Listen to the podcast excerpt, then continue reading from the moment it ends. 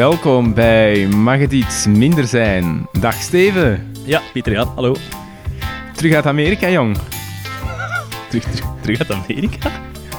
Uit Capitool, waar jij dat niet? De 16 januari? Oh, I wish. Oh, dat was toch echt een spannend momentje, hè? Ja, ja het was allee, vooral Dan even alles over. Ja, allee, het was even grimmig, maar ja, oké.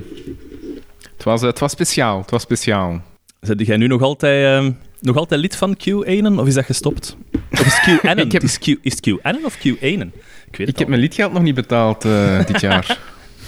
Nee, Nochtans, tegen de 1 februari moet dat binnen zijn, hè? ja, ik weet het, al mijn tweede Ja, ze zijn er maar... Ja, ja, ik weet het, ik weet het. Die fotoboek, ik kan hem niet krijgen dit jaar. Nee, hier zitten we weer. Eerste aflevering van het nieuwe jaar. Ja. ja. En al direct een voltreffer, hè? Sorry. Ik spreek misschien een beetje voor mijn beurt, maar... eh, eh, ja, de Nederlandse regering is gevallen. Absoluut, ja, ja. Twee weken geleden of zoiets, zeker. Ja. Over? Kabinet Rutte 3. Over, ehm, over de toeslagenaffaire. Ja. Ehm, Als we nu een puntje van kritiek mogen hebben, dat is toch een titel... Als wij dat voor een thesis of een seminarie zouden moeten pitchen... Nee, dat is niet sexy, eraan, hè? Dat is Ja. niet sexy. Dat is niet hoe zouden we het wel noemen?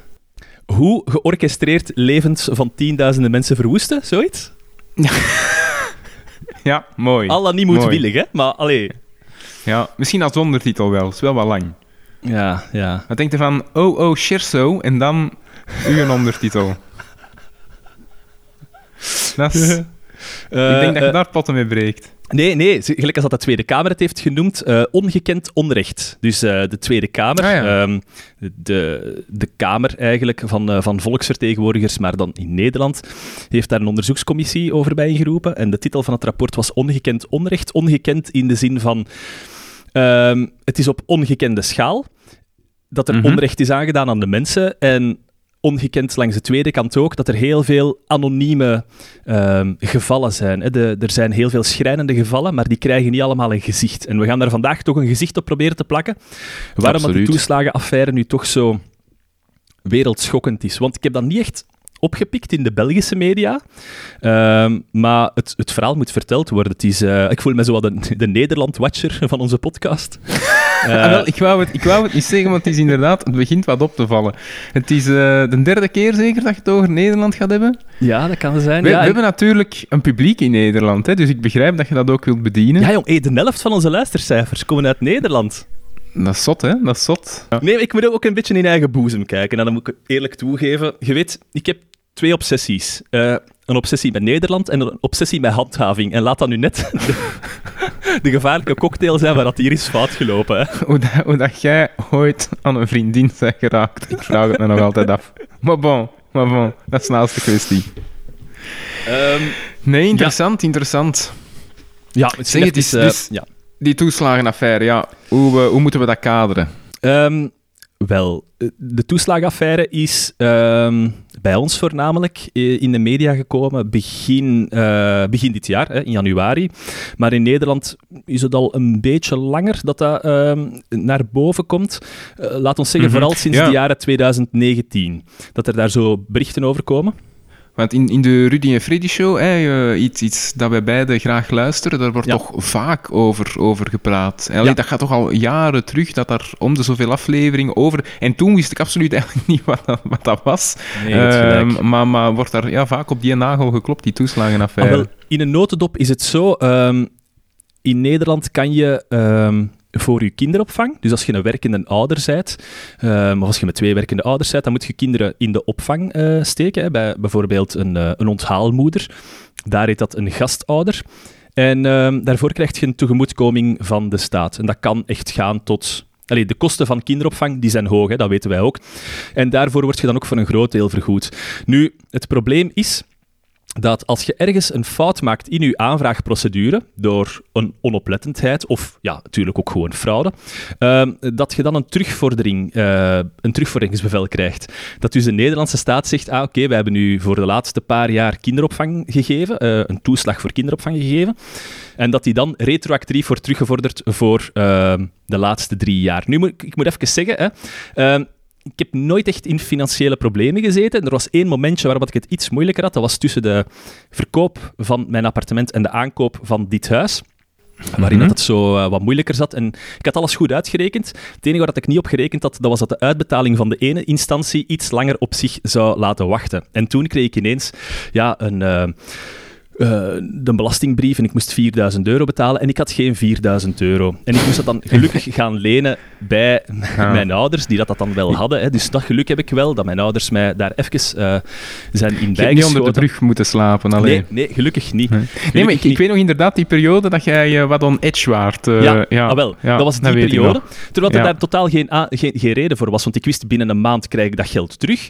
En ik moet het gewoon nu even voor een maand zien te lenen bij iemand. Nu, dat was 4000 euro. En ik voelde mij er al ambetant over. Stel je nu Mhm. voor dat je een belastingbrief binnenkrijgt waarop dat staat, gelieve 40.000 euro of 60.000 euro of 80.000 euro terug te betalen. En dat klinkt van de pot gerukt, maar dit zijn de gevallen eh, die dat in Nederland naar voren zijn gekomen. Hè. En Ja. ja, je wilt niet weten wat voor menselijke kosten dat, dat heeft als er iemand ineens wordt geconfronteerd met een schuld van 40.000 euro. Ehm, niet iedereen heeft dat liggen. Hè. Ik heb dat in ieder geval niet liggen. En dan, ja, Nee, dan nee. begint het moeilijk te worden. Ik, ik moet eens onder mijn matras gaan kijken, maar ik, ik vrees ervoor. Ik vrees ervoor. Ah, wel, dus dat was... eh, zeg, en ja, ja. Die, die bijdrage, was dat een verschillend eh rijk-arm? Alleen was daar een, socia- een, zekere, een zekere correctie, correctie Ja. op? Ja. dat was inderdaad wel inkomensafhankelijk. Dus hoe meer inkomen dat je hebt, hoe, eh, hoe minder dat die bijdrage was. ja Maar dus is- eigenlijk... Het is fout om te denken dat het enkel de arme stakkers zijn die werden geconfronteerd met, met deze problematiek. Ah ja, het waren echt wel dus werkende mensen. En, Naar, naar terugvordering toe waart je kwetsbaarder als Ja. eh, sociaal zwakkere. Want inderdaad. dus u, je kreeg meer, maar dus het kan wel zijn dat er ook meer werd teruggevorderd. Nee, ja, ja, inderdaad, inderdaad. Dat is zo. Ehm, dus dat was een notendop om de mensen niet te lang op hun honger te laten zitten. Het gaat hier ongeveer over gaan, maar het probleem is ruimer. Hè. We zullen dat nu wel uitleggen. Jesse Frederik van de Rudy en Freddy Show, die Een is daar op dit moment, ja, een held, een boek over aan het schrijven. En eh, dat heet ehm, Zo hadden we het niet bedoeld, de tragedie achter de toeslagenaffaire. En zo hadden we het niet bedoeld. Hè. Ik denk dat je het daar wel al merkt. Het was inderdaad niet bedoeld, maar het is een, het is een resultaat van een systeemfalen. Een systeemfalen, een falen van de wetgevende macht, uitvoerende macht en de rechterlijke macht. Iedereen ehm, heeft iets fout gedaan en daardoor is er... Mhm. En, wat ik dus nu zeg, dat is met 26.000 Nederlandse ouders voorgevallen. Hè? Dus dat is niet zomaar een paar honderd man dat dat heeft voorgehad. Nee, nee, 26.000 man. Dat is gigantisch. Ehm, ja. Ja, en de regering valt daar. Hè. De, het kabinet Rutte 3 valt. De aanleiding misschien. Maar, ja, voilà. Ja. Ja, Ja, de wou ik aanleiding. Eh 30, okto- 30 oktober 2004. 2004, Mhm. redelijk lang geleden. Ja. Eh, treedt de wet kinderopvang in werking. De bedoeling daarvan is, we gaan een toeslag voorzien, eh, een tegemoetkoming in de kosten voor kinderopvang. Inderdaad, hoe hoger dat uw inkomen is, hoe lager de toeslag, maar er is een minimum van de ja. toeslag dat je kunt krijgen. Gewoon om maar te zeggen, ja, ehm, mijn petekindje die gaat nu ook naar de crash en dat kost toch echt wel een, een flinke duit geld per maand om daar een beetje Mhm. in tegemoet te komen voor de werkende ouders. Door wie kan het aangevraagd worden? Ouders die dat beide werken, of een alleenstaande ouder die werkt. En het kan ook aangevraagd worden door een gastouder. Dus bijvoorbeeld de onthaalmoeder, of de onthaalvader dan, hier in Vlaanderen. Die kan die eh, toeslag ook aanvragen, zodanig dat ze dus minder geld moeten aanrekenen ten aanzien van de ouders zelf. En in Nederland wordt dat geregeld met een systeem van ehm, eh, een gastouderbureau. Dus dat is een soort van commerciële organisatie die dat vraagouders, de werkende ouders, in contact brengen met een gastouder. En dan die gastouder, die kan de kinderen opvangen bij hem of haar thuis, of die kan voor de kinderen zorgen in het huis van de kinderen zelf, van de ouders die dat gaan werken zijn. Ehm, dat systeem klinkt op zich allemaal nog heel goed. En er is een gedeelde verantwoordelijkheid in dit hele debat. Eh, een verantwoordelijkheid voor de minister van Sociale Zaken, die dat die basisregelgeving heeft uitgewerkt, van de toeslag die dat je kan krijgen. En de ministerie, het ministerie van Financiën voor de uitvoering van die regel, zoals het uitbetalen en het eventueel terugvorderen van die, ehm, van die toeslag, in het geval dat er eh, sprake is van fraude. Wat is er nu mis met die wet? Wel, Ja, want op zich klinkt dat heel mooi. Dat, dat, is, dat is heel mooi, dat is een, dat is een mooie regeling. Heb maar, dat in België eigenlijk? dat, dat weet Ook ik zoiets zeker. ik denk dat, een kameraad mij daar juist uh, allee, f- enkele weken geleden over vertelde. Maar ik weet nu niet of dat, dat een nationale regeling is of dat dat meer stads, op stadsniveau... Ja, Ah, dat zo. durf ik ook niet zeggen. Het zou dan toch sowieso Vlaams zijn, en niet nationaal. Eh, ja, allee, sorry. Eh, inderdaad, Ja, regionaal. Ah, of dat het op stad... eh, Dat, dat, dat durf ik eigenlijk niet te zeggen. Nee, ja, oké. Wat is er mis met die regeling? Ehm, die, die regeling was eigenlijk een beetje gerushed in de zin van we moeten dat toeslagensysteem zo snel mogelijk naar buiten krijgen. Mensen moeten er zo snel mogelijk recht op kunnen hebben. Op zich allemaal lovenswaardig. Maar het probleem is dat ze dat hebben gedaan door te werken met een, ehm een voorschotsysteem. Dus als je het vraagt, krijg je het quasi automatisch. Hè? Dus je moet een gans formulier invullen en je krijgt het meteen daarna. De controle of dat je er wel recht op hebt, die gebeurt dan later. En daar merkt al direct Mhm. het, het, het, het systeem wat dat er fout kan gaan. Ja, de, de Belastingdienst die deed vaak pas die controle ehm, vijf jaar na de feiten, hè, want er was een enorme Oei, achterstand ja. opgelopen. Vijf jaar na de feiten wordt er gecontroleerd, heb jij daar überhaupt wel recht op? Op die 10.000 euro dat je daar per jaar hebt gekregen. Per kind, hè? Dus als je twee kinderen hebt, kan dat al hoger zijn. En als je dan ergens een foutje hebt gedaan in het invullen van je documenten, of je hebt bijvoorbeeld te weinig eigen bijdrage betaald, wat dat wil zeggen van als je 20.000 euro kindergeld krijgt, kindergeld, ik noem het nu kindergeld, kinderopvangtoeslag krijgt, moet jij 200 euro zelf betalen, zoiets. Als je Ja, nu hebt vergeten dat eigen bedrag te betalen, die, eh, dat eigen aandeel, dan moet je ook alles terugstorten. Dus die regel die was zwart-wit. Oftewel heb je er recht op, oftewel heb je er geen recht op. En daar stopt het. Geen, geen een tussenmoot. oké. In Nederland wordt er ook vaak gesproken over een hardheidsclausule. Je zet dat ook tegengekomen in je doctoraat. Ja. En, ehm, Eh, ja, maar, maar, eh, wacht, hè. Moeten we niet naar, naar de uitbetaling van... Hij heeft een aanloop van die, die, die affaire. Ik wil eigenlijk... Maar dat gaat, weer, dat gaat weer verkeerd overkomen. Maar zaten daar ook geen Bulgaren bij? Ja, ja, ja, daar zaten veel Ah, jaren er bij. komen nog, er ja, komen daar nog. ja, ja. Ah ja, oké. Ah ja, want ik, ik ben eigenlijk ontwachten op de, op de Bulgaren. Op de Bulgaren. Ah, ja, ja, ja, ja, ja, oké. Ah, wel, maar ik ga nu gewoon even de, de, de regelgeving zelf uitleggen. Oké, en dan, en dan ehm, de strengere aanpak van de overheid. Ehm, ah ja, juist. Oké. Nee, maar moet, moet ik iets zeggen over die hardheidsclausule? Maar veel... Oh, Eh, wel. Hardheid. Er zijn, er zijn dus twee problemen in dat ganse systeem. Het ene probleem is bij de wet of dat je recht hebt op je kindertoeslag, is het een zwart-wit systeem. Je hebt er recht op of je hebt er geen recht op. mhm. En dan in de uitvoeringswetten daarvan, de Algemene Wet Inkomensafhankelijke Regelingen, die onder de bevoegdheid is van eh, het ministerie voor Financiën, eh, daarin wordt er geen, dus die dat kunnen beslissen over de terugvordering van dat bedrag, daar staat geen hardheidsclausule in. En een hardheidsclausule wil zoveel zeggen als, eh, we gaan de wet uitvoeren, maar als er echt kennelijk allee, onredelijke gevolgen zijn of onbillijke gevolgen, dan kunnen wij de uitvoering van die Ja, wet ja. temperen. Hè? Gewoon is eigenlijk de zeggen, billijkheid, hè. het billijkheid, het gezond verstand. Als er daar Voilà. elke, elke wet kan dat hebben, hè? dat is goed bedoeld, maar ineens komt er een uitvoering, een individueel geval waarin dat je zegt, oh, maar dat was toch echt zo niet bedoeld, ah wel, dan kunnen we de uitvoering van die wet terzijde laten. Dus ja, dat is een combinatie van die twee systemen, die dat hebben aanleiding gegeven tot die enorme wantoestanden. En nu... Maar dus als je dat zegt, hè, je, kon dat, je kon dat misbruiken, betekent dat dan dat ik bijvoorbeeld, eh, waarschijnlijk is het niet zo grotesk, hè, ik heb geen, eh, geen, geen kinderen, ja? eh, niet dat ik weet, dat ik zou kunnen aangeven dat ik twee kinderen heb, Mhm. ehm, dat ik daar geld voor zou krijgen en dat men mij pas enkele jaren later zou doorhebben van, tja, Oh, hoe dat, dat met, met uw specifieke casus zit, dat weet ik niet. Maar ik kan wel ver- verwijzen naar de Bulgaren, als je daar zin in hebt. oké, ja, Ja. ja, goh, je vermeldt het nu, ja. Dat is nogal een spontane podcast, hè, zie. In Nee, maar daar heb ik 2000, een filmpje over gezien, dus Ja, daarom... zot, hè? eh, ik denk dat iedereen dat heeft gezien destijds. Dat was in 2013. Was er een eh, brandpuntreportage over Bulgaarse bendes. Ehm, en dan zie je zo een, een cameraploeg die dat er ter plaatse komt. En dan zegt er een, ik ben de pinpas van, eh, van het dorp. Ken je dat niet, dat fragment nog? Ja, ja, ik weet het, Ja, ik weet voilà. het. Ja, ja, ja. ja, ik heb het toen niet gezien natuurlijk, hè, maar ik heb het Ah, nu eh, in Ik ter heb het toen wel voorbereiding. gezien, denk ik. Ja, maar ik wist ja, niet dat, Ah. dat het hierover ging. Dus ik had het verband niet gelegd met elkaar. Ehm, Oké, Bulgaarse bendes moedigen mensen uit Bulgarije aan om naar Nederland te komen. Om zich daar in te schrijven op een adres.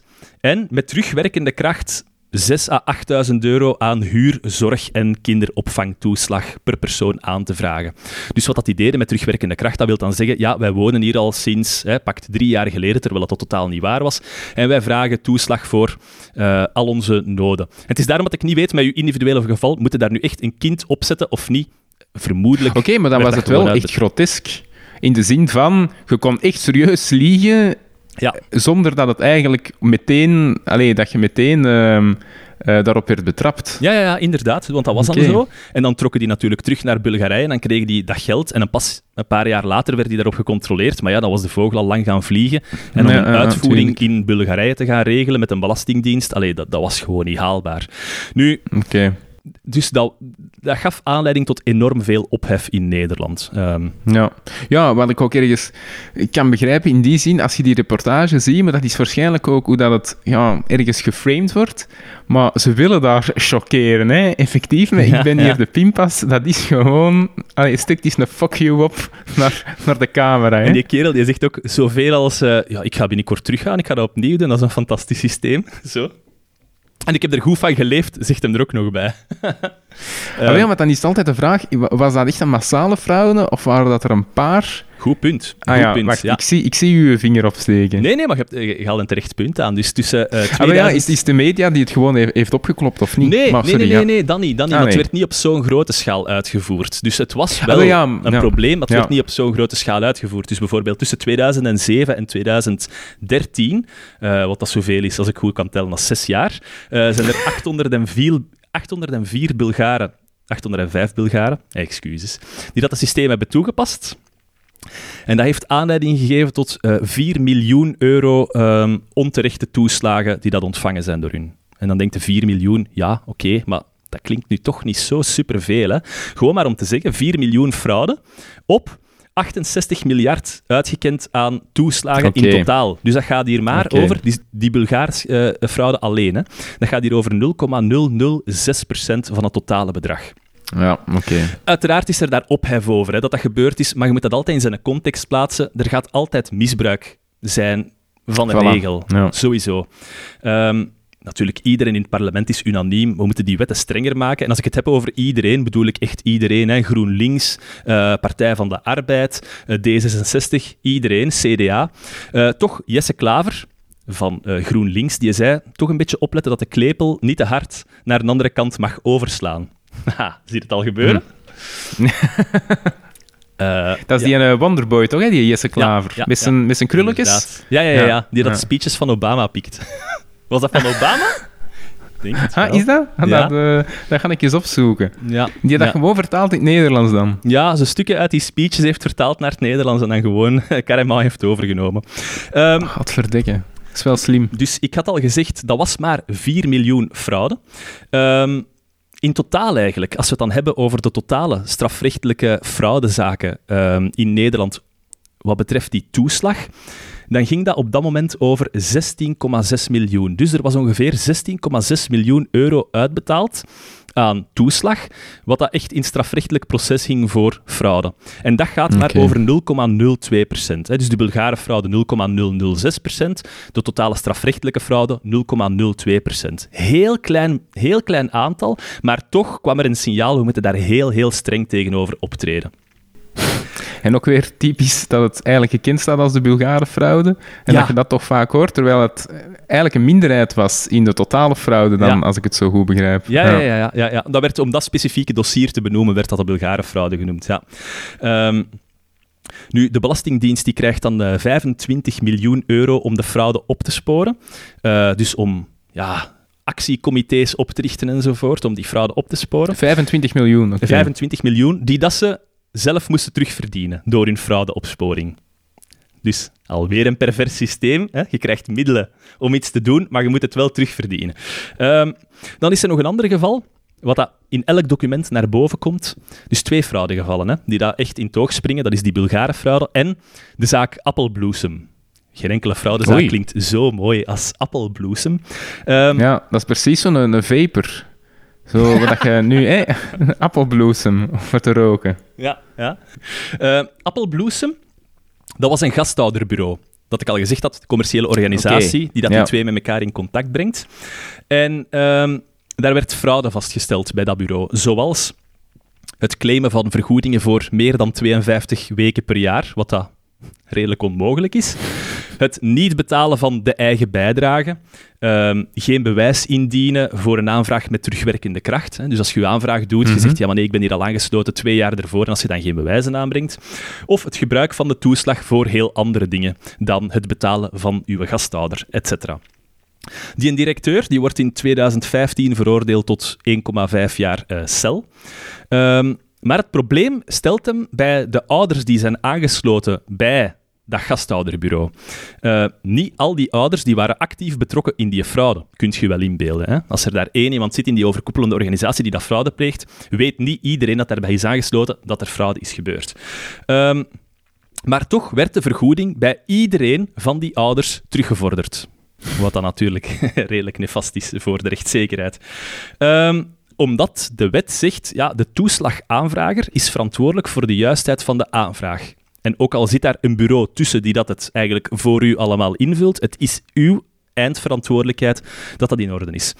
Ehm, dus die krijgen een volledige naheffing van hun ontvangen kinderopvangtoeslag. Het parlement was daarop verontwaardigd, hè, want er werd een motie aangenomen in de Kamer van eh, ja, dat kan toch niet, we moeten die ouders toch ergens exonereren, want eh, die zijn... Hadden die ouders daar voordeel uit gehaald dan ook? In de zin van, hè, ze hadden meer gekregen of was dat het bureau dat dat achter had gehouden? Dat weet ik niet, dat weet ik niet. Hmm. Dus waar, waar dat de fraude gebeurde, was blijkbaar bij het bureau en bij sommige ouders, maar niet iedereen was erin betrokken. En ik weet niet hoeveel voordeel dat ze daarvan gekregen Maar ik hebben. neem aan dat de, de ouders die niet betrokken waren, dat die er ook geen profijt aan hebben gehad. Dat weet ik niet. Lijkt me dan. Ja, Nee, maar ja, dat, zou me, dat zou me raar lijken dat als je als misdadiger, je wilt fraude plegen en je laat iemand Ja, anders ervan niet- profiteren. of je stort het niet terug naar de ouders, hè. je houdt het bij u als organisatie. maar ja, als- voilà, wel, maar het zou zoiets zijn, hè, inderdaad, dat de ouders dus effectief er ook niks mee te maken Ja, hadden. ja, ja, echt. Dus niks mee te maken en waarschijnlijk ook geen voordeel hebben uitgehaald. Maar toch voilà. moeten die al het bedrag terugbetalen. Ehm, de minister van Sociale Zaken die zegt op dat moment: ja, eh, ouders, dan eh moeten jullie het, eh, het gastouderbureau maar aansprakelijk stellen. Hè? Want zij zijn degene dat die vrouw burgerrechtelijk aansprakelijk stellen. Wat dat zoveel wil zeggen als: ik shot uw knie in fruit van één en eh gevorderd ten aanzien van de shotter het bedrag terug van de, Ja. de schade die dan aan uw knie is toegebracht. Hè? Zoiets-achtig. Ja, ja, juridisch denkt hij, ja. Ja. Dat, dat klopt, hè. Dat Wa- zit perfect in elkaar. Ja. Waren het niet dat dat gasthouderbureau intussen failliet was? Mhm. Ja, ja uiteraard. Ja. Ehm, dus al die ouders die bleven, eh, die bleven achter in de kou. Ehm, er was heel veel verontwaardiging. Ehm, en de eerste barsten in het systeem zouden eigenlijk al duidelijk moeten zijn op dat moment. Het gaat daar dus over de periode 2015. Toch al een goede vijf jaar Oké. geleden. Ehm, zoals ik al gezegd had, door die twee fraudedossiers ehm, is men strenger beginnen optreden dan dat er op dat moment al gedaan werd. hè. Het regeerakkoord Rutte 1 in 2010 zei we gaan nog eh, strenger optreden treden tegen fraude. Eh, er werd gezegd we gaan een harde aanpak doen van fraudeuitkeringen.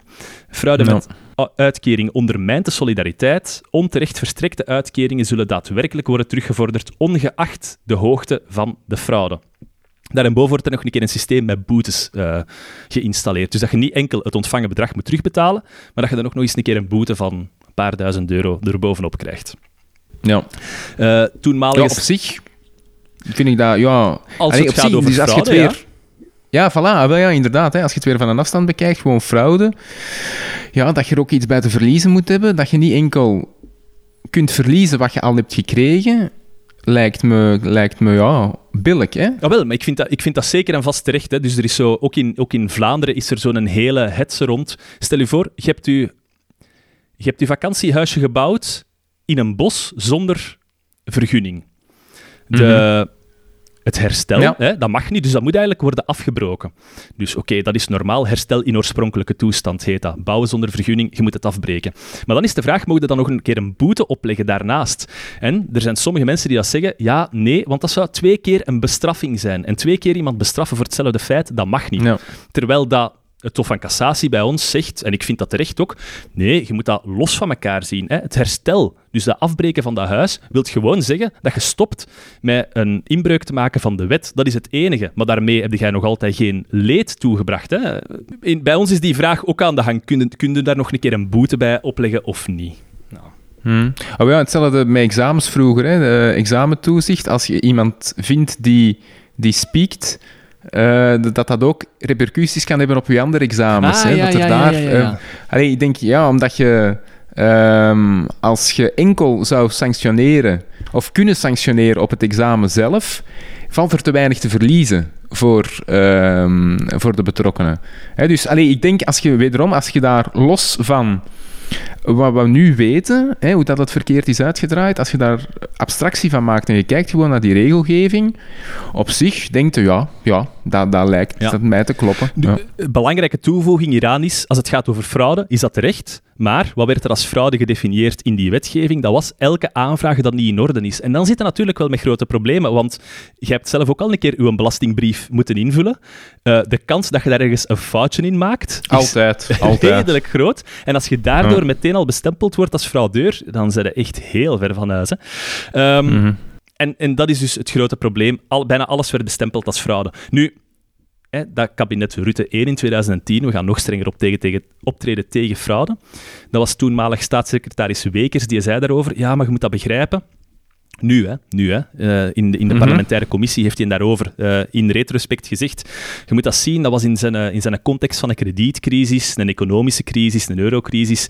Hè, het holte draagvlak van de verzorging staat uit. Maar in zijn overdrachtsdossier, en wat is een overdrachtsdossier? Dat is als je een nieuwe regering hebt, dan krijgen die natuurlijk ja, de dossiers van de oude regering overgenomen. Hè. De staatssecretaris krijgt van zijn vorige staatssecretaris. En in dat dossier staan de aandachtspunten. Hè. Bijvoorbeeld in... Dat is eh, wat nu Trump naar Biden heeft gestuurd met gewoon een, een, een foto, foto van een fuck you vinger. Ja, ja, Ja. zoiets. zoiets. Ja. Maar normaal zou daarbij staan, let op, hier zijn een aantal rode vlaggetjes, met dat dossier moeten opletten. En in een van die punten stond, ja, er is een probleem met die kinderopvangtoeslag. dat dat een probleemkindje was. Oké, ja.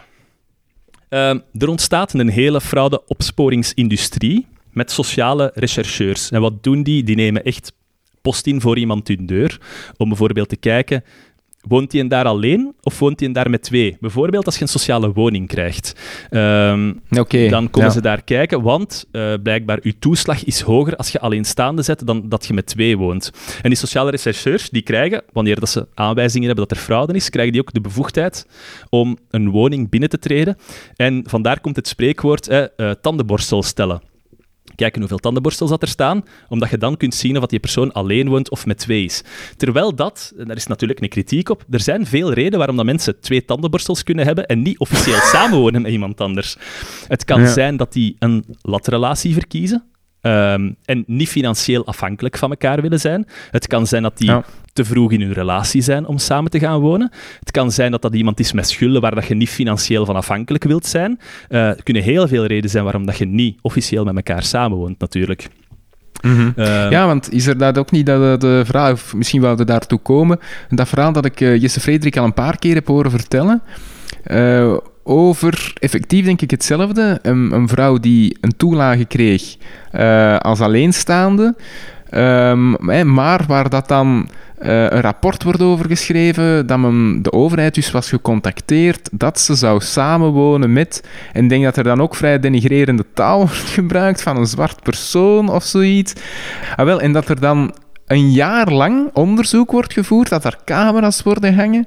Ehm, dus eh, een mankracht voor een jaar onderzoek en dat dan effectief men, men binnenvalt, denk ik, zoals jij zegt. Hè, men vaststelt dat er een soort van relatie is, latrelatie waarschijnlijk, en dat dan dus inderdaad alles wordt, eh, wordt teruggevorderd. Maar gewoon al de kost die daaraan vasthangt. Hè. Je zegt inderdaad, hè, al, al die bureaucratie die daar rond is opgericht, dat is, dat ongelooflijk. In Nederland is dat blijkbaar enorm, eh, enorm hard aan het boomen, die, eh die fraude-opsporingsindustrie.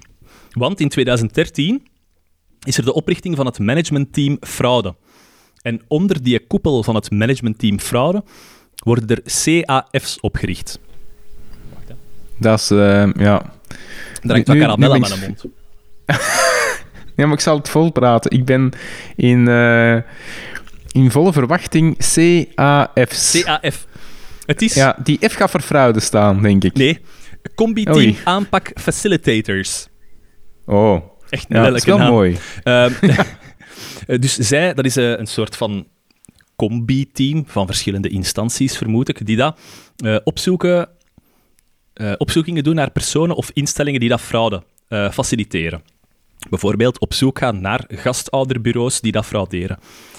Ehm, en daar loopt het fout met die CAF's. Maar echt zwaar fout, hè, PSG, wat dat je nu gaat horen, man. Ehm, die CAF's die hebben een groepsgewijze aanpak Oké. als er ergens in een gastouderbureau fraude wordt gepleegd, of als ze ergens notie hebben van er wordt daar fraude gepleegd, dan wordt die ganse groep die aangesloten is bij dat fraudebureau, dan wordt daarvan de, ehm, de uitkering stopgezet en een terugvordering ingesteld. Groepsgewijze Och, aanpak. zot. Jawel. Want de idee is, ja, 80-20.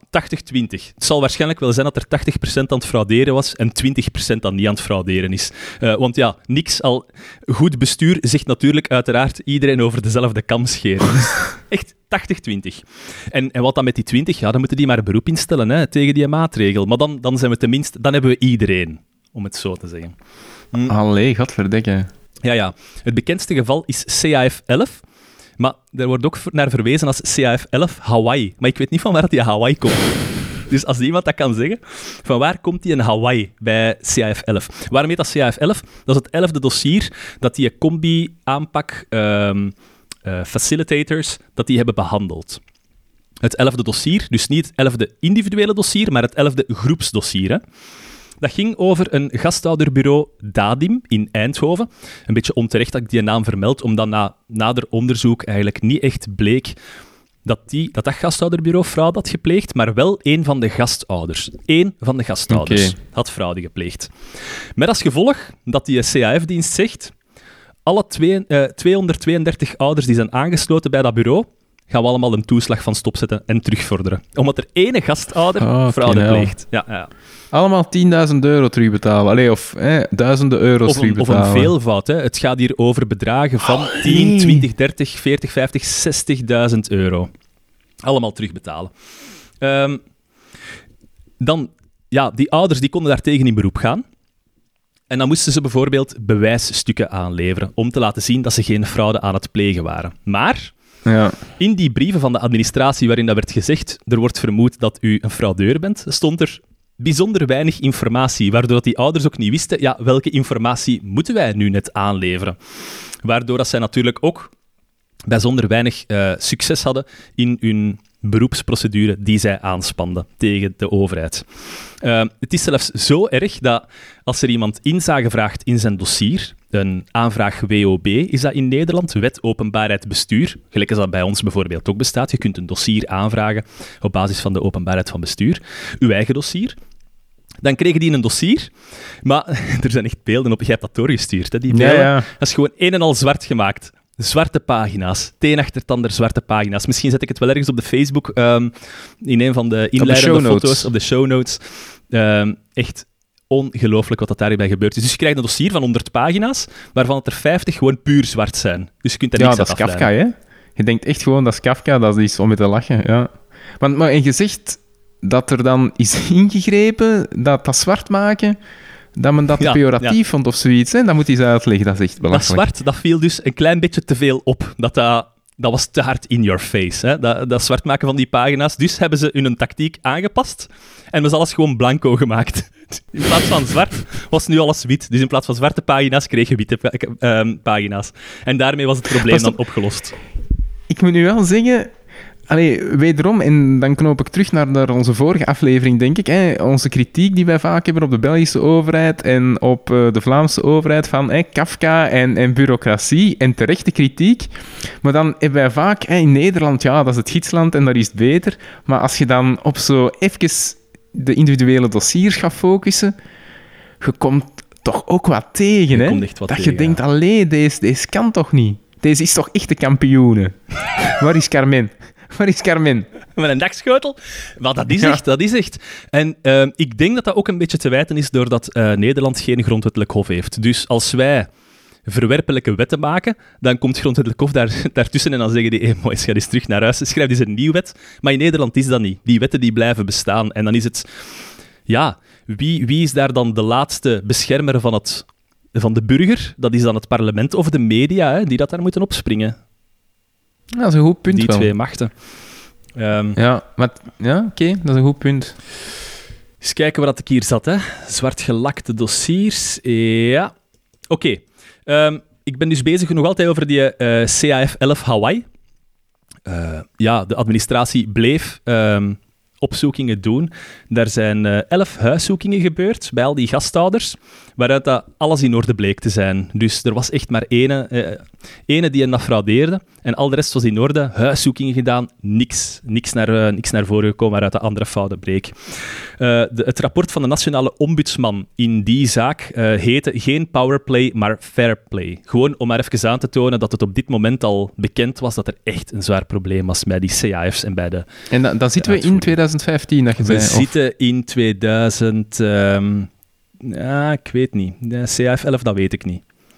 Hawaii, CF met ananas. Ja. Er zijn nog 630 andere CAF-zaken met gelijkaardige hardheid.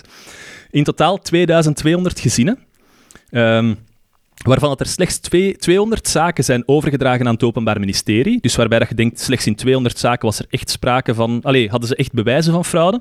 Maar ehm, daarvan zijn er maar 15 veroordelingen geweest en 8 minderlijke schikkingen. Dus je hebt geschoten op 2200 man. En daarvan zijn er maar 15 veroordelingen. Om maar te zeggen, 2200 levens alweer al verwoest door een schuld van een paar tienduizend euro boven hun hoofd. Omdat er 15 man fraude Ja. had gepleegd. Nou, moet ik, moet ik het nog zeggen dat er schrijnende gevolgen zijn? Er, zijn mensen in juridische procedures ge- geleid, zonder dat die dat zelf wouden, uiteraard. Psychologische schade. Heel veel mensen die dat daardoor in depressie zijn geraakt. Ehm, heel veel alleenstaande ouders die hun schulden meer konden betalen. En dan wegens ja, geldproblemen en fysieke, eh, en fysieke en psychische problemen het hoederecht over hun kinderen zijn verloren. Er zijn mensen hun huis verloren. Er zijn koppels uit elkaar gegaan. Ehm, over zelfmoord vind ik geen eh, cijfers terug, maar ja, waarschijnlijk. ja, waarschijnlijk. waarschijnlijk. Schooluitval bij Man. kinderen, verlies van job. ehm, ja. gewoon omdat men zeker wou zijn dat men toch die 15 fraudeurs Ja. te pakken zou krijgen. Ja. Ja, en dat, dat gaat hier dus over, dus wat ik nu zeg, dat gaat hier over die 26.000 gezinnen die in totaal gevat zijn door die, eh, door die fraude. Hè. Eh, door dat fraudedossier. Ehm, nu, de reactie kan zijn, ja, je hebt dat misschien verdiend. Als je er, stel je voor dat je er echt iets hebt misgedaan, heb je het verdiend. Maar je moet weten dat je met zo'n maatregel echt iedereen raakt. Hè. Met, als je ouders een, een, een schuldenpost krijgen van 40.000 euro, dan raakt je daarmee zowel aan de kinderen, aan de partner die eventueel niks heeft misdaan, aan de ouders van die mensen. Iedereen die dat Ja, ergens... Ja, van, waar gaat dat geld halen? Ik heb het al gezegd, ik zou het bij mijn ouders gaan halen, mocht het kunnen. Hè. Die zouden mij dat eventueel ook wel willen voorschieten.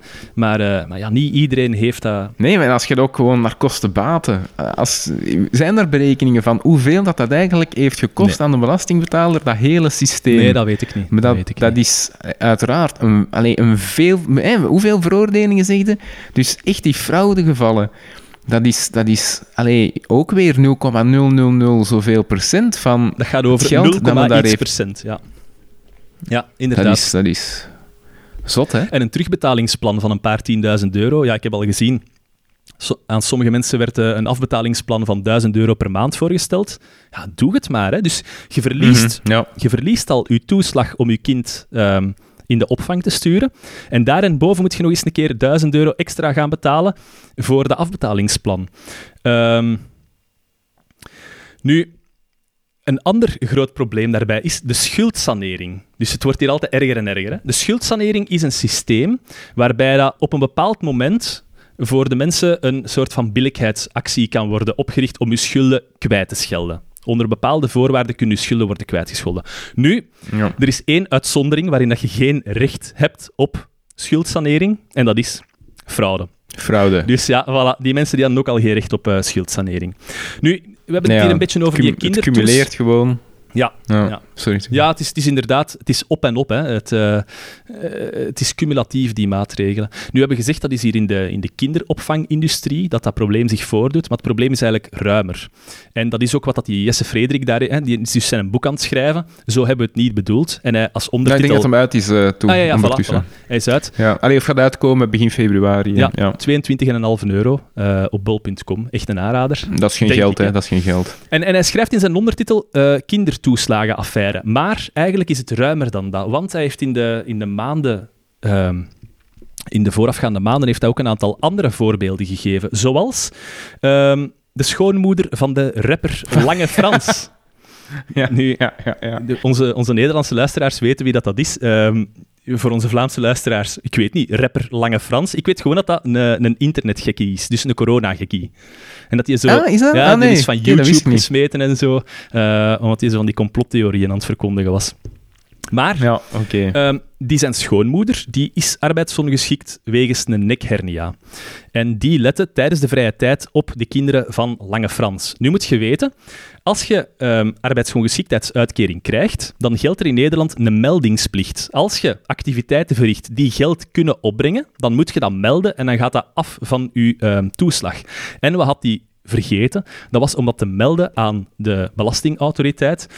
En eh, ja, jij let op de kinderen van, van, uw, van uw dochter. Ah, wel, boete zullen jij doen, want die moest ineens 34.000 euro terugbetalen. Gewoon omdat je als schoonmoeder geen geld vraagt voor, de, voor, op, je, voor op je kleinkinderen te letten. Zoiets. Ehm, Maar dat verhoudt het toch af dat er daar niemand zich daar in komen die overheidsstructuren... Daar komen we Ja, toe. ja, oké, ja, ja. ja. ja, maar het is, een, het is een terechte vraag. hè. Hoe komt dan niemand daar ehm, de klokken luidt? Dat, ja, ik vind dat raar. Nee, nee. Ja. Nee, ja, wel, ja, en inderdaad, dat zijn waarschijnlijk menselijke structuren. Van, je zit in, in een bepaalde structuur met een bepaalde eh, way of doing things, waardoor dat je daar niet kritisch tegenover staat. Hè. Ik, denk, en, en dat is natuurlijk een, ehm, eh, een, verre, een verre parallel, maar ook eh, alles wat er, wat er in oorlogscontext soms gebeurt. Ehm, naar naar ehm, mensenrechten. Hè. Als je van een, op een afstand daar naar kijkt, dat je denkt, hoe kan dit? Hè, hoe kan dit? Dat ja, als je daar middenin zit, dat je gewoon het perspectief... Allee, dat lijkt me de enige mogelijke uitleg. Want het kan niet zijn dat al die ministeries bevo- bevolkt werden door, door onmensen. Nee, nee, nee, nee, het is dat. Dat, dat, dat, hè, dat, dat, dat zullen... Wat dat je eigenlijk wilt zeggen, er is een systeem, familiefeesten... er is een systeem Ja, voilà, toe. ja. Dan is er nog een ander voorbeeld van ehm, de boodschappen. Een vrouw in eh Weidemeren, nabij Hilversum, die zat op de bijstand en die kreeg van haar moeder af en toe boodschappen. Cadeau. De moeder ging boodschappen doen en bracht ook een extra Juist. zak voor haar om een Ja. beetje te kunnen rondkomen. En dat was al drie jaar zo. Nu, wat blijkt, die had dat ook niet aangemeld, dat ze giften kreeg. En daarvoor moest hij ehm 7040 euro aan ontvangen bijstand terugbetalen. Ehm, dat is ook schrijnend natuurlijk. En dat was vroeger niet zo. In de vroegere bijstandswet werd er gezegd, giften die worden vrijgesteld van aanmelding. Dus je mocht bijstand ontvangen en tegelijkertijd ook giften ontvangen. Want het is geen zero-sum game. Als je iets ontvangt, wil dat niet zeggen dat je daardoor minder bijstand moet krijgen. Nee, want anders heb je geen enkele incentive voor vrijwilligerswerk. Anders stopt het Voilà, vrijwilligerswerk gewoon. Ehm, dus eh, natuurlijk, met uitzondering dat je zoveel giften ontvangt dat je niet meer in de bijstand moet. Dat, is al, dat was dan wel de enige uitzondering. Maar die uitzondering die bestaat dan blijkbaar niet meer op dit moment, want zelfs giften moet je aanmelden. Ook weer al een systeem waarvan dat je denkt, dat kan toch niet de bedoeling zijn dat je... Ja, en administratie, Ja. dat je ervoor moet Ja. bijhouden allemaal. Ja, inderdaad. Want wat, wat willen ze dan? Dat je inderdaad elke week noteert, dit heb ik allemaal gekregen. Een bus, een bus shampoo. Wie houdt zich daarmee bezig? Ja. Kunnen dan s'avonds echt naar huis gaan en kunnen zeggen, ik heb, ik heb iets nuttig gedaan, ik heb, ik heb van zoveel bijstand trekken en gecontroleerd hoeveel boodschappen dat ze hebben ontvangen van hun moeder. Allee, kom aan. Ehm, Ja. Er is nog een ander heel groot voorbeeld en dat is van het onverzekerd rijden. En dat is ook waar dat, ehm, Jesse Frederik zo hard op hamert. Dus je moet weten, oké, in Nederland is er, ehm, hebben ze een wetgeving gemaakt om strenger op te treden tegen onverzekerd rijden. Je zou zeggen, oké, perfect, onverzekerd rijden is verwerpelijk in elke zin van het woord. En... moet tegengegaan worden. En er was een nieuwe regelgeving met hogere boetes enzovoort. En er was een resultaat. Van 250.000 onverzekerde voertuigen gaan we naar 50.000 onverzekerde voertuigen. Dat is mooi, gedeeld door 5. Mhm. Ja. De schade door onverzekerde voertuigen daalt van 9,3 miljoen euro per jaar ehm, naar 6,6 miljoen euro per jaar. Dus een vermindering van 2,7 miljoen euro. Denkt oké, ehm, de wetgeving heeft zijn doel bereikt. Tot als je ziet ehm, wat dat de kost geweest is voor die regelgeving, voor, voor dat resultaat te bereiken. Dus om die 2,7 miljoen euro aan vermindering van schade door onverzekerd rijden te verwezenlijken, hebben ze wel 689 miljoen euro aan boetes moeten uitdelen. zijn er, Ja, zijn er 19.000 gijzelingen geweest. En wat is een gijzeling? Dat is in Nederland zoveel als... Ah, je betaalt je boete niet. Kom, nachtje in de cel. 19.000 mensen zijn... Ja, niet, niet een nachtje, hè. ik denk dat het langer is. Ehm, dus 19.000 mensen zijn in de gevangenis gevlogen. Eh, de boete vervierdubbelt als je die niet binnen de drie maanden betaald hebt. Vervierdubbelt, hè. Ja, oké. En je kunt pas beroep aantekenen tegen je boete als je ze eerst hebt betaald. Juist. Allee. Juist. Maar wie Ja. zegt dan nu zoiets? Ja, nee, dat, dat snap ik ook niet. Dat er daar niemand vragen bij stelt. Allee, de reden waarom dat je het niet betaalt is vermoedelijk omdat je het niet kunt betalen. Oké, dan, kun jij geen, Mhm. dan kun jij geen beroep aantekenen. Je kunt ook niet gaan lenen hè, om een boete te betalen. Zit je wel afkomen bij de bank? Ja, ja. Ja, ah, wel, maar dat vraag ik mij ook af hoe dat het er is doorgekomen. Allee, ook eh, naar, naar de rechterlijke macht toe. Maar oké, ze hebben daar natuurlijk geen grondwettelijk hof. Misschien, misschien heeft dat ermee te maken, maar dat lijkt mij toch ja, falikant tegen uw recht op toegang tot een rechter. Ja. Artikel 6 EVRM Ja. te zijn. Ja. Dat is eh, grotesk.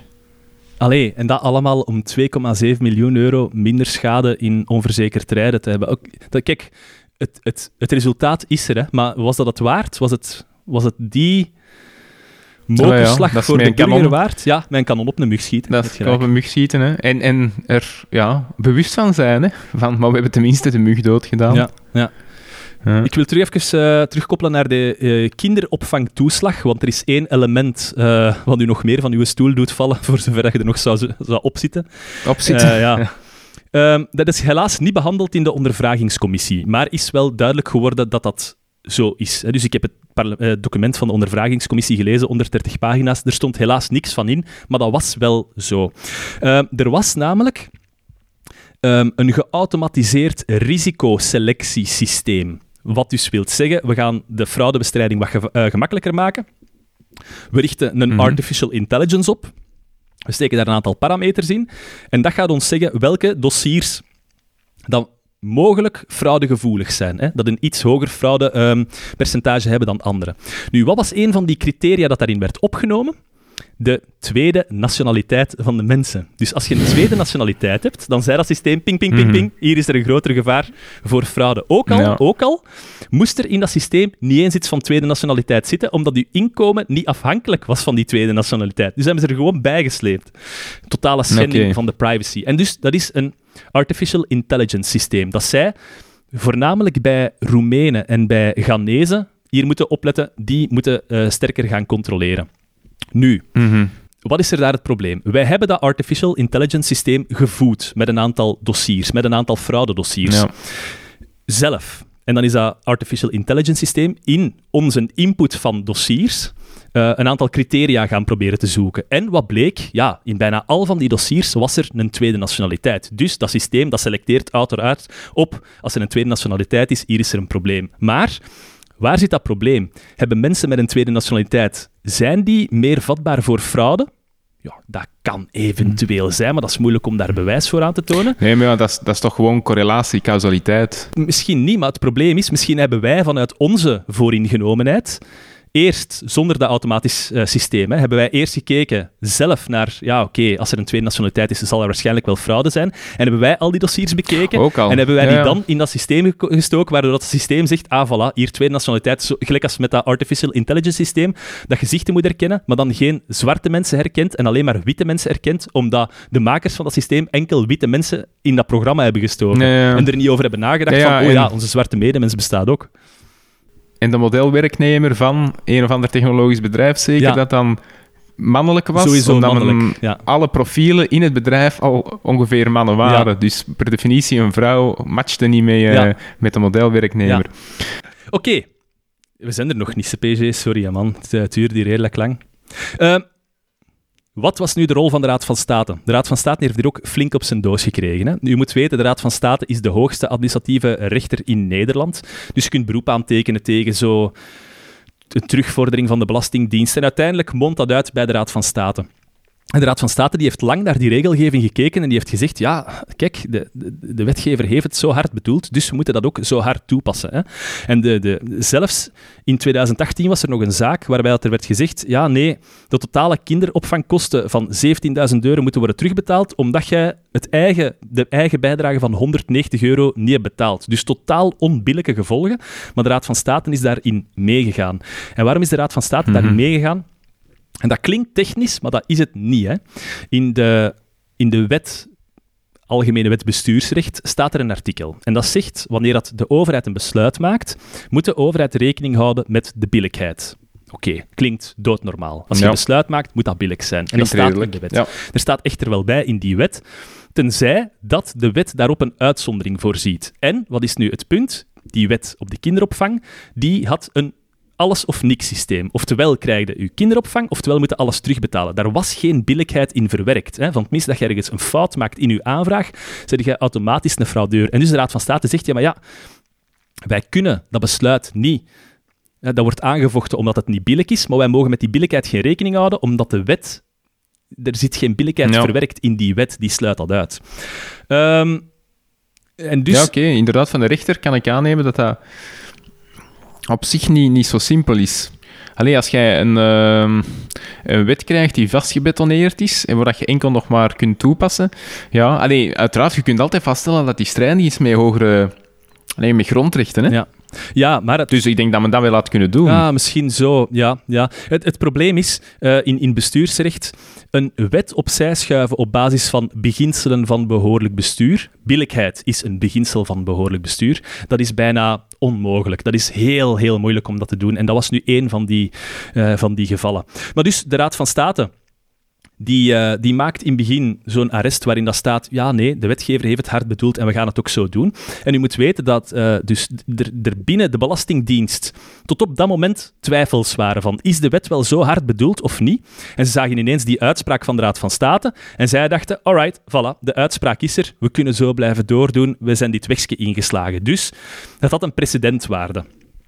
Maar Bart-Jan van Ettenkoven, die je kent, eh, ja, de voorzitter... de- die ik ken, ja, ik kan daar eh, elke week mee, eh die, heeft u al, padellen. die heeft u al zien praten. Ja, padellen. Ja, dat doen, dat doen de mensen nu, hè. ja. Dat moet, dat moet. Ja. Ah, wel, die zei, de voorzitter eh, van dus de afdeling bestuursrechtspraak van de Raad van State, die zei, ja, we, we zitten daar toch wel heel verveeld mee, met dat we dat hebben gedaan. U moet weten dat de Raad van State heeft twee afdelingen. Een afdeling wetgeving en een afdeling bestuursrechtspraak. Wat dat eigenlijk wil zeggen is, die komen twee, op twee momenten aan bod. Nog voordat de wet gemaakt wordt, wordt er een advies gevraagd aan de Raad van State. En dat is in die afdeling wetgeving. En daar heeft de Raad van State gezegd, opgelet met een te harde regelgeving. Je moet zo'n hardheidsclausule inbouwen in je regelgeving. De wetgever heeft dat niet gedaan. En dan komen er problemen later. En dan gaat het dus naar de afdeling bestuursrechtspraak, waarin het de, de Raad van State zich als rechter moet uitspreken. En dan zegt hij, ja, we hebben wel gezegd in de afdeling wetgeving dat je dat er moet inzetten. Je hebt het er niet gestoken. En nu is de wet zo. En wij kunnen natuurlijk van die wet niet afwijken. Dus wij moeten eigenlijk meegaan met zoals de wetgever het heeft bedoeld. Dat zien wij ook in België, dat Mm. eh, de wetgever zich niks aantrekt van wat de Raad van State zegt op adviserend vlak. Dat is, eh, Ja, dat is wraakroepend. dat is echt. Maar Dat zijn de slimste mensen dat daar zitten. Hè. Dat moeten we nu echt weten. Iedereen dat zit op de afdeling wetgeving en bestuursrechtspraak van de Raad van State, die zitten bij mij het hoogste in mijn achting. En dat is terecht, want dat zijn echt de beste juristen. dat ik het hoogste in uw achting stond. Dat is op amoureus vlak. Maar, eh. en ja, daar wordt dan gewoon niet naar geluisterd. En dat is echt wraakroepend. Nu, die is... Maar het ja? begint wel... ehm, so- sorry dat ik inbreek. Ehm, maar het, begint wel ergens, denk ik, ook in de publieke opinie mee te spelen, of in de media. Hè, twee weken geleden, de eh, zonnepanelenaffaire, Ja, ja. dat is dan in België, hè, de affaire eh, waar het over ging.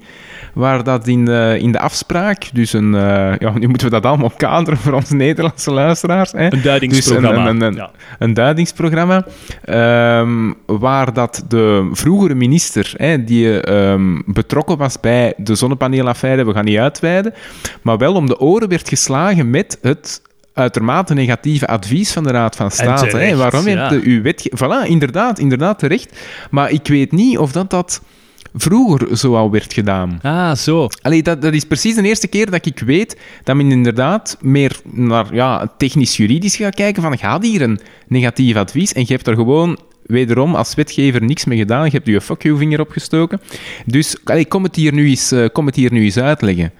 Eh, dus allee, dat is misschien wel een positieve, eh, een positieve evolutie, want effectief, als je ziet naar, naar wetgeving die er allemaal uitkomt, eh, en, en fouten die gebeuren, 9 van de 10 zijn die fouten al voorspeld in het verslag van, van de Raad van State. Ja, de Raad van State ziet alles. Maar, en dat, dat, is, dat klinkt een beetje overdreven, maar dat is, die zien alles. En die, die merken alles op voorhand op. Dingen waarvan dat je nooit dacht dat het een probleem ging zijn, ah, wel, die mannen zien dat. En dat is, wat dat je nu opwerpt, is het punt dat Jesse Frederik ook opwerpt. Hij zegt, media. Ehm, jullie taak, een van jullie taken, is bericht geven over politiek. En dat doet onze Mhm. media, politieke duidingsprogramma's. Maar het probleem is, onze media geeft berichtgeving over politiek, het politieke spel, maar niet op het resultaat van de politiek, namelijk de wetgeving. Wat dat jij vorige keer ook hebt gezegd, de kritiek van media, nu moet er niet afkomen dat de communicatie rond het coronabeleid dat die niet duidelijk was. Ja. Het is jullie taak om dat te controleren en dat gebeurt dus niet. Als er nieuwe wetgeving komt, het is pas als er iemand uit Pas op, ik snap het, hè, dat, dat als er iemand uit wetenschappelijke hoek komt of als er ergens een, een wantoestand naar boven komt, dat de media daar dan opspringt omdat dat gemakkelijker is. Maar eigenlijk, ja, zouden die wel die wetgeving moeten controleren en, en misschien ook de adviezen van de, van de afdeling wetgeving controleren om... Of in ieder geval toch al kijken naar wat dat de academici daarover schrijven. Allee, misschien moet ik daar ook Ja, eh, ja, zelf een beetje kritisch zijn en zeggen dat wij als academici misschien ook iets communicatiever moeten zijn over onze bevindingen, over wetgevingen. Eh, dat dat bij Mhm. de media terechtkomt. ja, ja, het klopt. Ja, ja. Ja, ja, oké. Waarschijnlijk is het beide. Ja, hè. Is ja, het beide. ja. Maar inderdaad, wat je Jesse Frederik zeer mooi verwoordde, eh, hè, met, met, de, met de quote: eh, Het is de taak van de media om alles wat belangrijk is spannend te maken en niet om alles wat spannend is belangrijk te maken. En, en inderdaad, daar, daar eh, heeft hij wel een punt. Hè. Goh, ik ga ook even Allee, er mag, er mag, eh, er mag wat eh, sport bij zitten, Steven, in, in een eh, journaalaflevering. Maar het, me verliest misschien... Me, Hey, me verliest Onze misschien luisteraars vaak. hebben gezegd dat we gelijk hebben. Minder sport in het nieuws. Allee, toch minder naar voren geschoven. Ja, Zet het van achter. E- ene, ene luisteraar heeft u een bericht gestuurd. Ja, ja. dat hem, dat hem- 100% van de luisteraars die hebben gereageerd op, mijn, op onze aflevering zeggen dat dat zo is. Ja. Ja, Nee, ja, hey, ja, ik- Ik effectief. wil nog even uitweiden naar, naar, naar Jan-Jan Bon. Godverd, ik ik heb het toch echt niet met die mensen. En dat is niet, dat is niet politieke voorkeur of zoiets. Hè.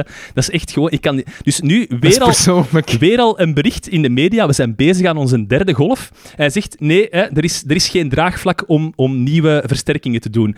Hè, uw argument, maak een keer draagvlak. Wat zit jij nu te klagen? Het is de taak van de politiek om draagvlak te maken. Dat is juist. Ah. Ja, ja, absoluut. Daar geef ik u gelijk in. Even terug naar de Raad van State. Eh, de Raad van State In had, Nederland. Ja, in Nederland. De Raad van State had heel lang die strenge wetgeving toegepast, maar in 2019, ik weet niet, is dat hier oktober 2019, hebben ze toch gezegd, ja man, we kunnen dat echt niet blijven volhouden, die harde, die harde rechtspraak. Ehm, Zeg, eh, sorry dat ik weer inbreng, maar oktober 2019, dat is het moment waarop dat wij eh, die presentatie hebben gehouden. ah, in, ja, ja, ja, eh, ja, juist, juist. Ja, dat was toen. Ja. Dat, dat, dat heeft er mee te maken. Wij zijn, eh, af, wij zijn eens op één moment naar Den Haag geweest, naar de Raad van State, samen voor een ja, colloquium over rechterlijke toetsing van bestuurshandelen. En dus blijkbaar hoor ik nu dat op dezelfde moment er een verstrenging is geweest in de, in de rechtspraak. Ja, mij, mij, mij lijkt dat duidelijk dat dat aan elkaar gelieerd is. dat, wij, dat wij er iets in gang hebben gestoken. Graag gedaan. Ehm, en dus die Raad van State die zegt op dat moment. ah, we, kunnen die, we kunnen die gevolgen voor die ouders echt meer ehm, negeren.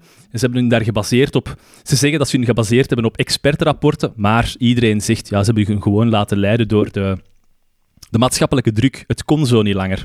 En dus, die, Ja. eh, de, van, van Ettenkoven, Bart-Jan van Ettenkoven heeft gezegd, wij hebben daar een juridisch paardenmiddel toegepast. Wij hebben eh, met een beginsel van behoorlijk bestuur de wet opzij gezet en dat is eigenlijk niet de bedoeling en dat is ook niet de bedoeling dat dat voor herhaling vatbaar is. En hij heeft daarin gelijk.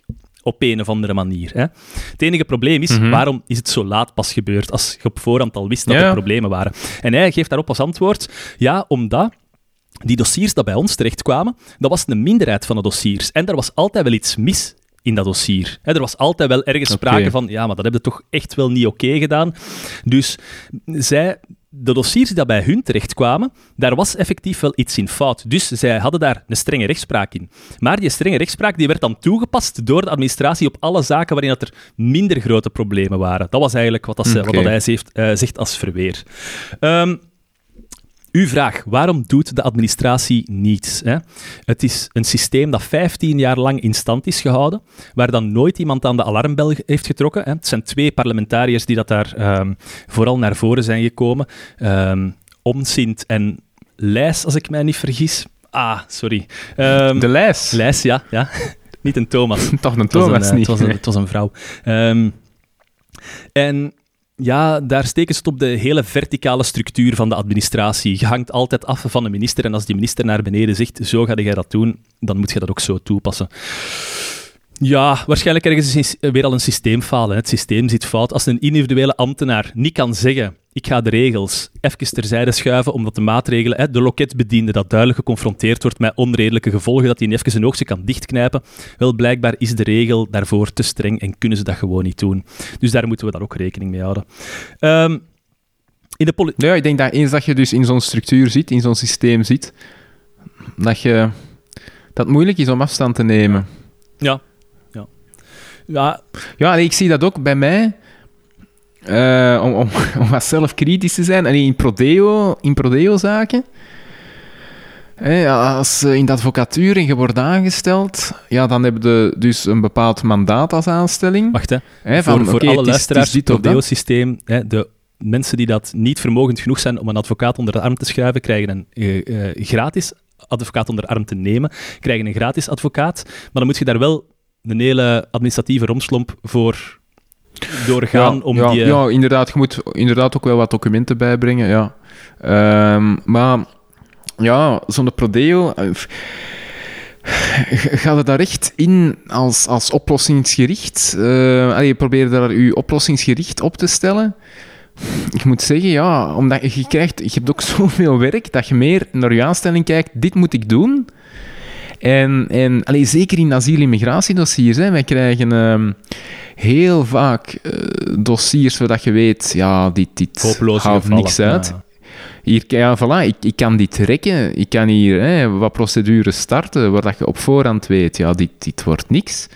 Eh, en eigenlijk ja, zouden ergens moeten beginnen denken aan een, terugkeer, eh, aan een terugkeertraject. Of, eh, allee, eh, dus dat het echt, oplossing is echt niet juridisch, maar, maar is, is eerder ja, sociaal. ehm, dat, je, dat je echt niet kunt bijdragen. Maar eh, ja, als, als je zit in die structuur en je opdracht is, hè, ook om, ik zeg het, oh, je, hebt, je hebt al zoveel werk, je krijgt al zoveel prodeo's. Oké, je kijkt gewoon, oké, dit is mijn opdracht, eh asiel en migratie. En dus ik zal, ik zal rechterlijk beroep instellen tegen dit besluit, of ik zal die procedure eens beginnen. Ik weet op voorhand dat dat niks gaat Maar uithalen. jij gaat maar- er geen tijd in Ja. steken om met die mensen een keer te zeggen, zet u nu eens neer, het heeft geen nut, Voilà. probeer u te herbronnen, want dan winde jij er niks mee en dat is uw taak ook niet. En Nee, nee, voilà, ja. En, en ja, je kunt dat, je kunt dat ook niet... Zo, dat gesprek dat je nu zegt, dat kun je niet op vijf minuten nee, hebben, nee, hè. nee, nee, nee. Eh, dus dat is iets... Allee, daar moet je eigenlijk al bijna een dag voor uitrekken, ook om... Die neemt dat ook niet aan van u, Ja, wat, wat...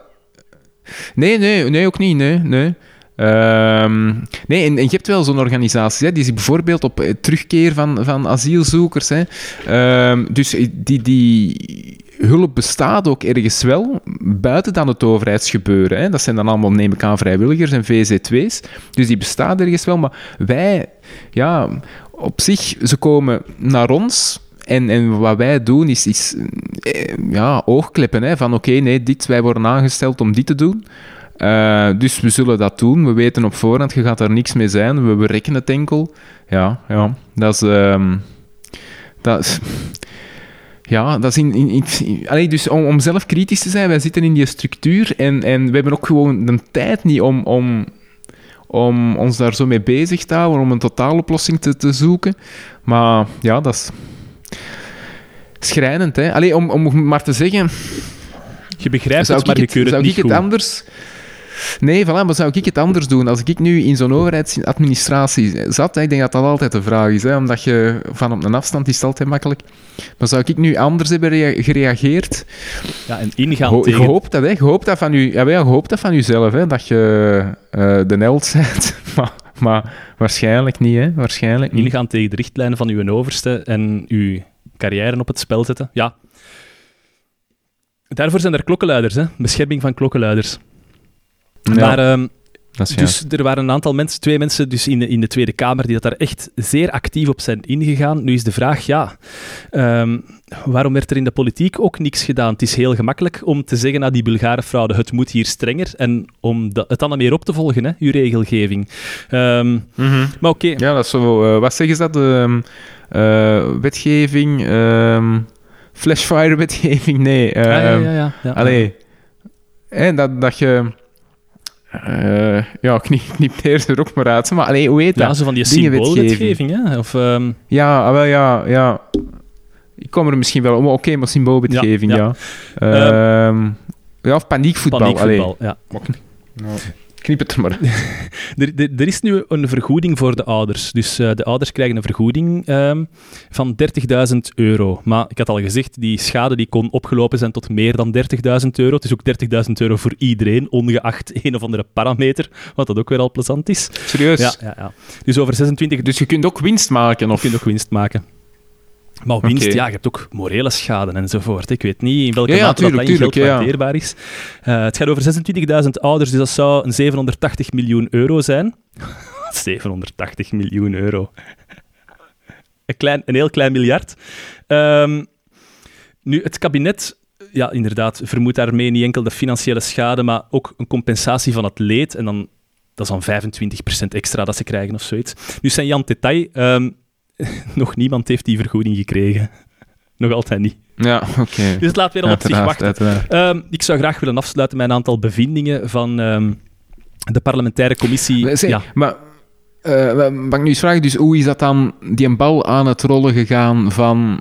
We zijn hier misschien verkeerd bezig. Dat is dan een combinatie geweest van dat arrest van de Raad van State en, en media, et cetera. en media en twee parlementairen die echt bleven aandringen om... eh, Oké.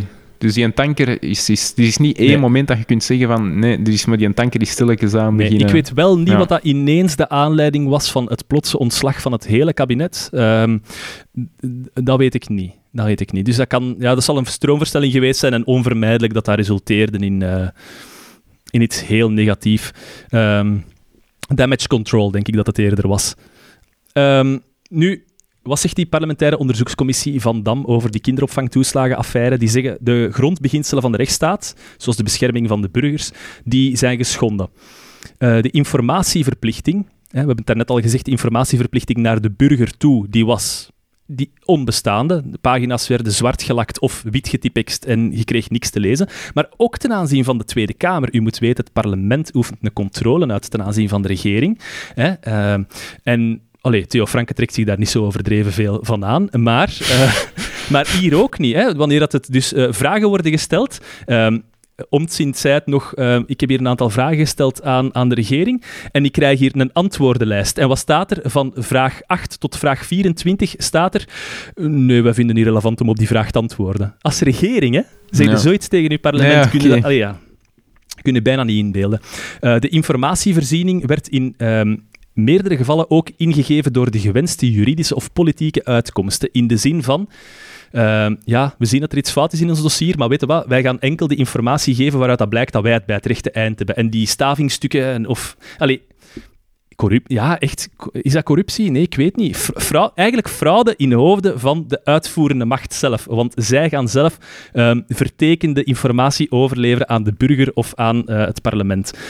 Of aan de, recht, aan de rechter ook nog. Hè. Dus de, de stavingstukken dat zij, of de dossiers dat zij overbrachten aan de rechterlijke macht, was zodanig uitgeplozen dat er wel een niet mocht inzitten om hun gelijk te krijgen. Dus ik, ik wil maar even Nou, zeggen... daar kun je al eens voor ontslag Daar kun nemen. je al eens voor ontslag nemen. Het is een systeemfalen, een falen over de drie staatsmachten. Ehm, we hebben hier redelijk lang over uitgeweid, omdat het is... Ja, ik, ik heb dit nog niet gezien. In, in wij zijn heel hard begeesterd door eh, bestuursrecht en bestuurswetenschappen, maar deze mate van aan bestuur doen, dat heb ik nog niet echt gezien. Met, met zo'n consequenties. Nee, nee, nogthans, ja, het moet... Het moet toch bestaan. Allee, ik denk als je met dat, dat kader dat je nu hebt naar, naar andere landen gaat kijken, allee, of naar België, dat je... Dat kan toch niet dat, dat er hier ook niet zo'n... Ja. ehm, niet zo'n gevallen bestaan. Ik was gisteren nog aan het zeggen, ehm, eh, natuurlijk zonder het over een systeemfalen te hebben, maar over... ehm, ik was met een collega aan het praten over eh, ook een prodeo-dossier van Aardam, waar dat, eh, het ging over leefloon. Ehm, en zij, dus haar, haar cliënt, was te laat gekomen op een afspraak. Ah ja, juist. Ja, ja, ja. ja. Om- ja, eh, ze was te laat gekomen omdat een tram vertraging had en ze moest komen van een of welke afspraak was dat? Wat voor een afspraak? Eh, ja, een afspraak bij een of andere overheidsadministratie. Ik, ik, het, het ging over een traject om eh, versnelde instroom in een arbeidstraject. Dus de details ken ik ook niet. Ehm, maar dus ze, en ze was te laat, om- omwille van vertraging van een tram. En dus de reactie daarop was dat haar leefloon is stopgezet. Allee. En dat je, ja, dat je dus inderdaad denkt, alleen. En dus eh, nee, blijkbaar oké beroep tegen ingesteld. En de arbeid, arbeidsauditeur zou gezegd hebben, ja, je toont niet aan dat de tram vertraging had. Dat je ook denkt van, allee, je maakt het mensen zo moeilijk. En wie kan dat nu? Wie kan u aantonen dat een tram... Allee, of je denkt daar ook niet Ja, aan, hè? is- is ik, heb al, ik heb al honderden keren gehad. Ja, voilà, wij gaan me ook al. Ja, ja, effectief. In Antwerpen zeker. Ehm, eh, dus, dus dat is... Ja, alleen mensen, mensen gewoon pesten. Allee, Eh, en en die- je, je moet dat toch zelf beseffen. ja, dat is ingegeven vanuit hit them where it hurts.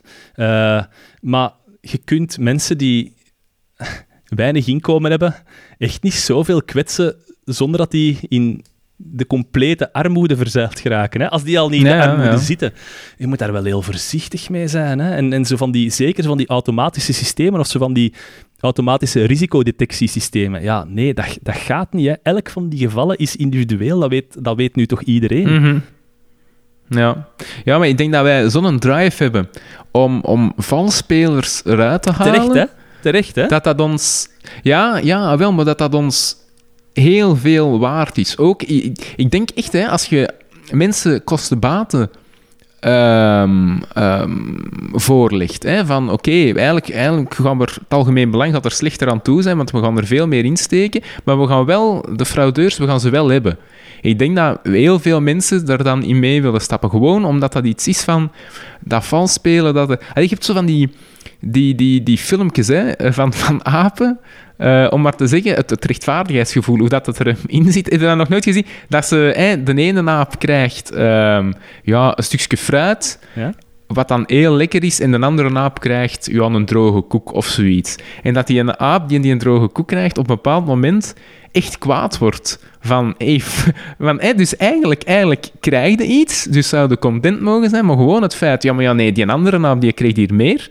Dus wederom trek ik hier, hier hè, in, in, in mijn redenering, maar ik denk ehm, dat ons het rechtvaardigheidsgevoel en het het, het aanpakken van valspelers, dat dat echt iets is dat bij ons ingebakken zit van we moeten daar tegen optreden en dat mag, dat mag wat kosten. Dat mag wat kosten. Terwijl dat je, als je ziet, eigenlijk een stap terugzet, is het dat allemaal wel waard. Hè? En moeten we niet, eh, maar ik denk dat dat ook altijd het betoog is van, van die Rutger Bregman, ehm, moeten we niet gewoon heel onze filosofie omdraaien en ervan uitgaan, hè, alle mensen, of de meeste mensen, eh, deugen wel degelijk. En, en ja, profiteurs gaan het altijd hebben. Maar moeten we, moeten we dat het uitgangspunt laten Ja, vormen van ons beleid? de mensen mee, er moet een vorm van fraudebestrijding, uiteraard moet die er zijn, maar je mocht daar niet zo hard... Als er onschuldig... Dat is ook de reden waarom wij de doodstraf niet doen. Hè? Dat is omdat er altijd een onschuldige zou kunnen tussenzitten en dat willen we gewoon niet voor hebben. Als er iemand onschuldig de doodstraf krijgt, ja, dan heb je gefaald als rechtsstaat. En ik denk... Daar trekken ze zich in de VS niet zoveel van aan, maar alleen dat is waar. Ehm, ja, dat blijft, dat blijft een moeilijke afwegen. Hè. Ik denk dat we het nu behandeld hebben en dat wij er ook een les uit moeten trekken. Dat we niet, want ik zeg het, ik moet, ik moet zelf eens in eigen boezem kijken. Ik ben een enorme fan. Ik heb nog in de vorige aflevering gezegd, ik ben een regelnazi en ik ben dat nog altijd. Dat moet worden nageleefd. Maar met de afdwinging moet je opletten dat je niet met een kanon op een mug schiet. En daarin moet ik misschien toch een beetje terugkomen op mijn conclusies over de corona-aanpak in de vorige aflevering. Maar misschien dat er ook wel... Ik denk dat slingerbewegingen zijn, hè, van hoe, hoe gaan we ons daar tegenover stellen. Dus zeker nu in Nederland zal men misschien terug de andere kant op beginnen slingeren. Ja. Ah, wel, ah, wel. die andere kant, ehm, dat is nu... Nu zijn ze bezig van, ja, er moet een hardheidsclausule in staan. Hè. Direct invoering van een hardheidsclausule. En dan denk ik, maar nee, die hardheidsclausule is gewoon om te vermijden dat je om de gevolgen van je slechte wetgeving recht te trekken. Dat is dat, hè. Als, als, jij, een, mhm. als jij een genuanceerde wetgeving hebt, dan heb jij geen hardheidsclausule nodig. Ja.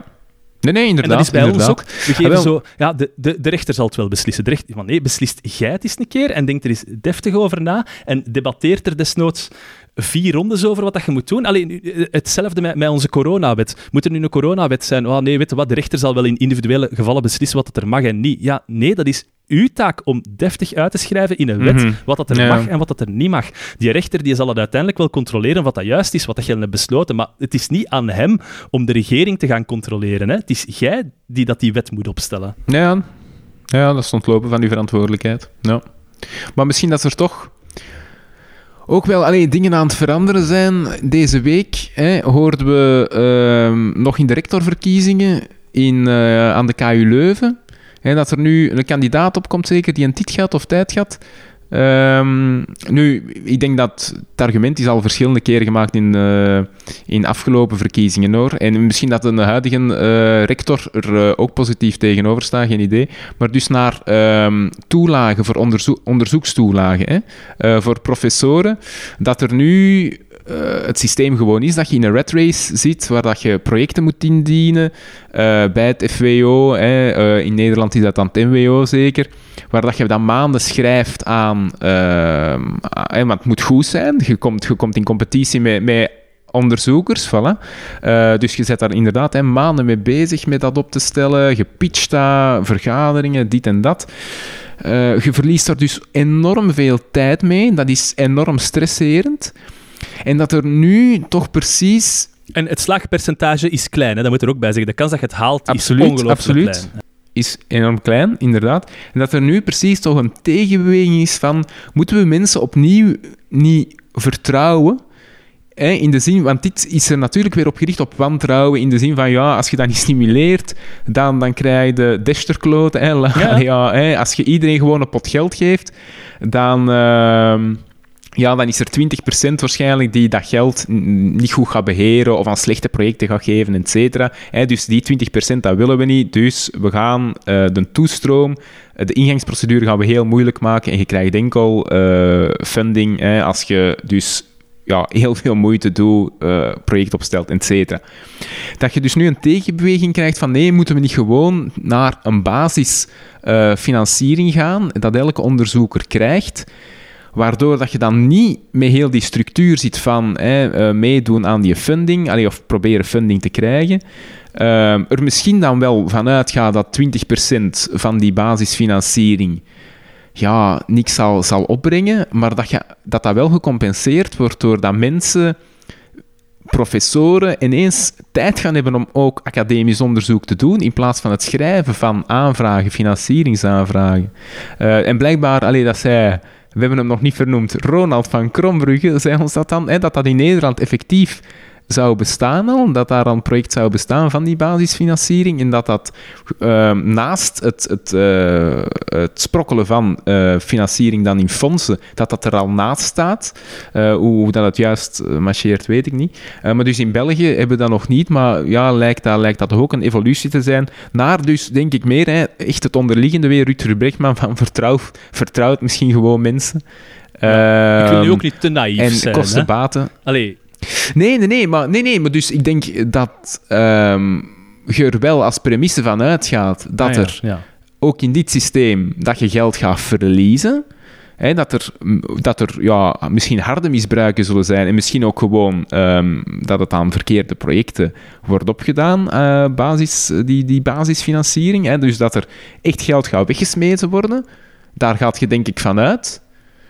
Maar de vraag is gewoon, nu is het zo, hè, en nu s- smijten waarschijnlijk veel meer geld weg in de zin van academici zijn x procent van hun tijd bezig met het schrijven van projecten. We, hebben, allee, we hebben een collega, de Christophe Maas, is die, is die al aan zijn onderzoek kunnen beginnen? Ik denk dat hij nog altijd projecten is aan het schrijven en dat hij al maanden eh, op zijn, op zijn eh, postdoc zit, maar dat hij nog altijd projecten is aan het schrijven.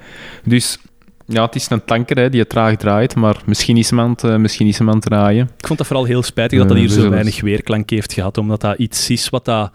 Het is niet dat we lachen met Nederland of zo, hè. het is iets... Dit kan echt de beste overkomen. Dit kan ook bij ons voorkomen. En we moeten daar Ja, gewoon ja. goed voor opletten dat dat niet gebeurt. Ja, en misschien, misschien, ja, of misschien komt het voor. Ja, ja, dat we het gewoon niet weten. Ehm, Ja. Ja, voilà, voilà. Want, allee, ik zeg het, bij ons zullen er ook, allee, worden er ook administratieve sancties opgelegd of worden er ook, denk ik, neem ik aan, dingen teruggevorderd. Ja, we hebben daar gewoon weinig, weinig zicht op. En natuurlijk, ja, zo die Bulgaren-affaire, die dan heel mediageniek is, dat hebben wij niet gehad. Dus waarschijnlijk hebben wij ook de tegenreactie ja. nooit gehad. Maar het zou mij sterk lijken dat... ehm, eh, ja, ik denk dat het gewoon een probleem des mensen is. Hè, van, je zit in een structuur en je bent te weinig kritisch ten opzichte van die structuur. Dus het, ja, het zou mij verbazen dat je dat niet in andere, andere landen terugvindt. Alright, ik blijf dat verder opvolgen. Als er daar nog iets naar boven komt, zal ik dat wel eh, melden. En wij gaan een kleine pauze nemen. En na de pauze gaat het gaan over... Bloemschikken. Bloemschikken. Dat, dat groen dingetje. Ja, ik heb een, eh, ik heb een nieuwe passie eh, ontdekt, Steven. In de corona, nee, het is echt... bent aan het liegen, Ik dacht dat de KV was, wat is? Eindelijk. Eindelijk. Ah, ja, ja, ja, FEMA, FEMA. Ja, wel, daar heb ik het geleerd. Daar heb ik het geleerd. Eh, eindelijk kan ik mij creatief uitdrukken. Eindelijk. Dus eh, nee, er is een nieuwe wereld voor mij opengegaan. En ik, eh, ik ga je daarin eh, in inleiden. In het bloemschikken. Alright. Volgende aflevering gaat over eh bloemschikken. Nee, dit gaat over inderdaad de Barbarians. Ja, oké, we zullen dat dan wel bespreken. Alright, iedereen bedankt om te luisteren. Tot Ciao. nu. Ciao. Ah ja, ik was te vroeg. Ciao.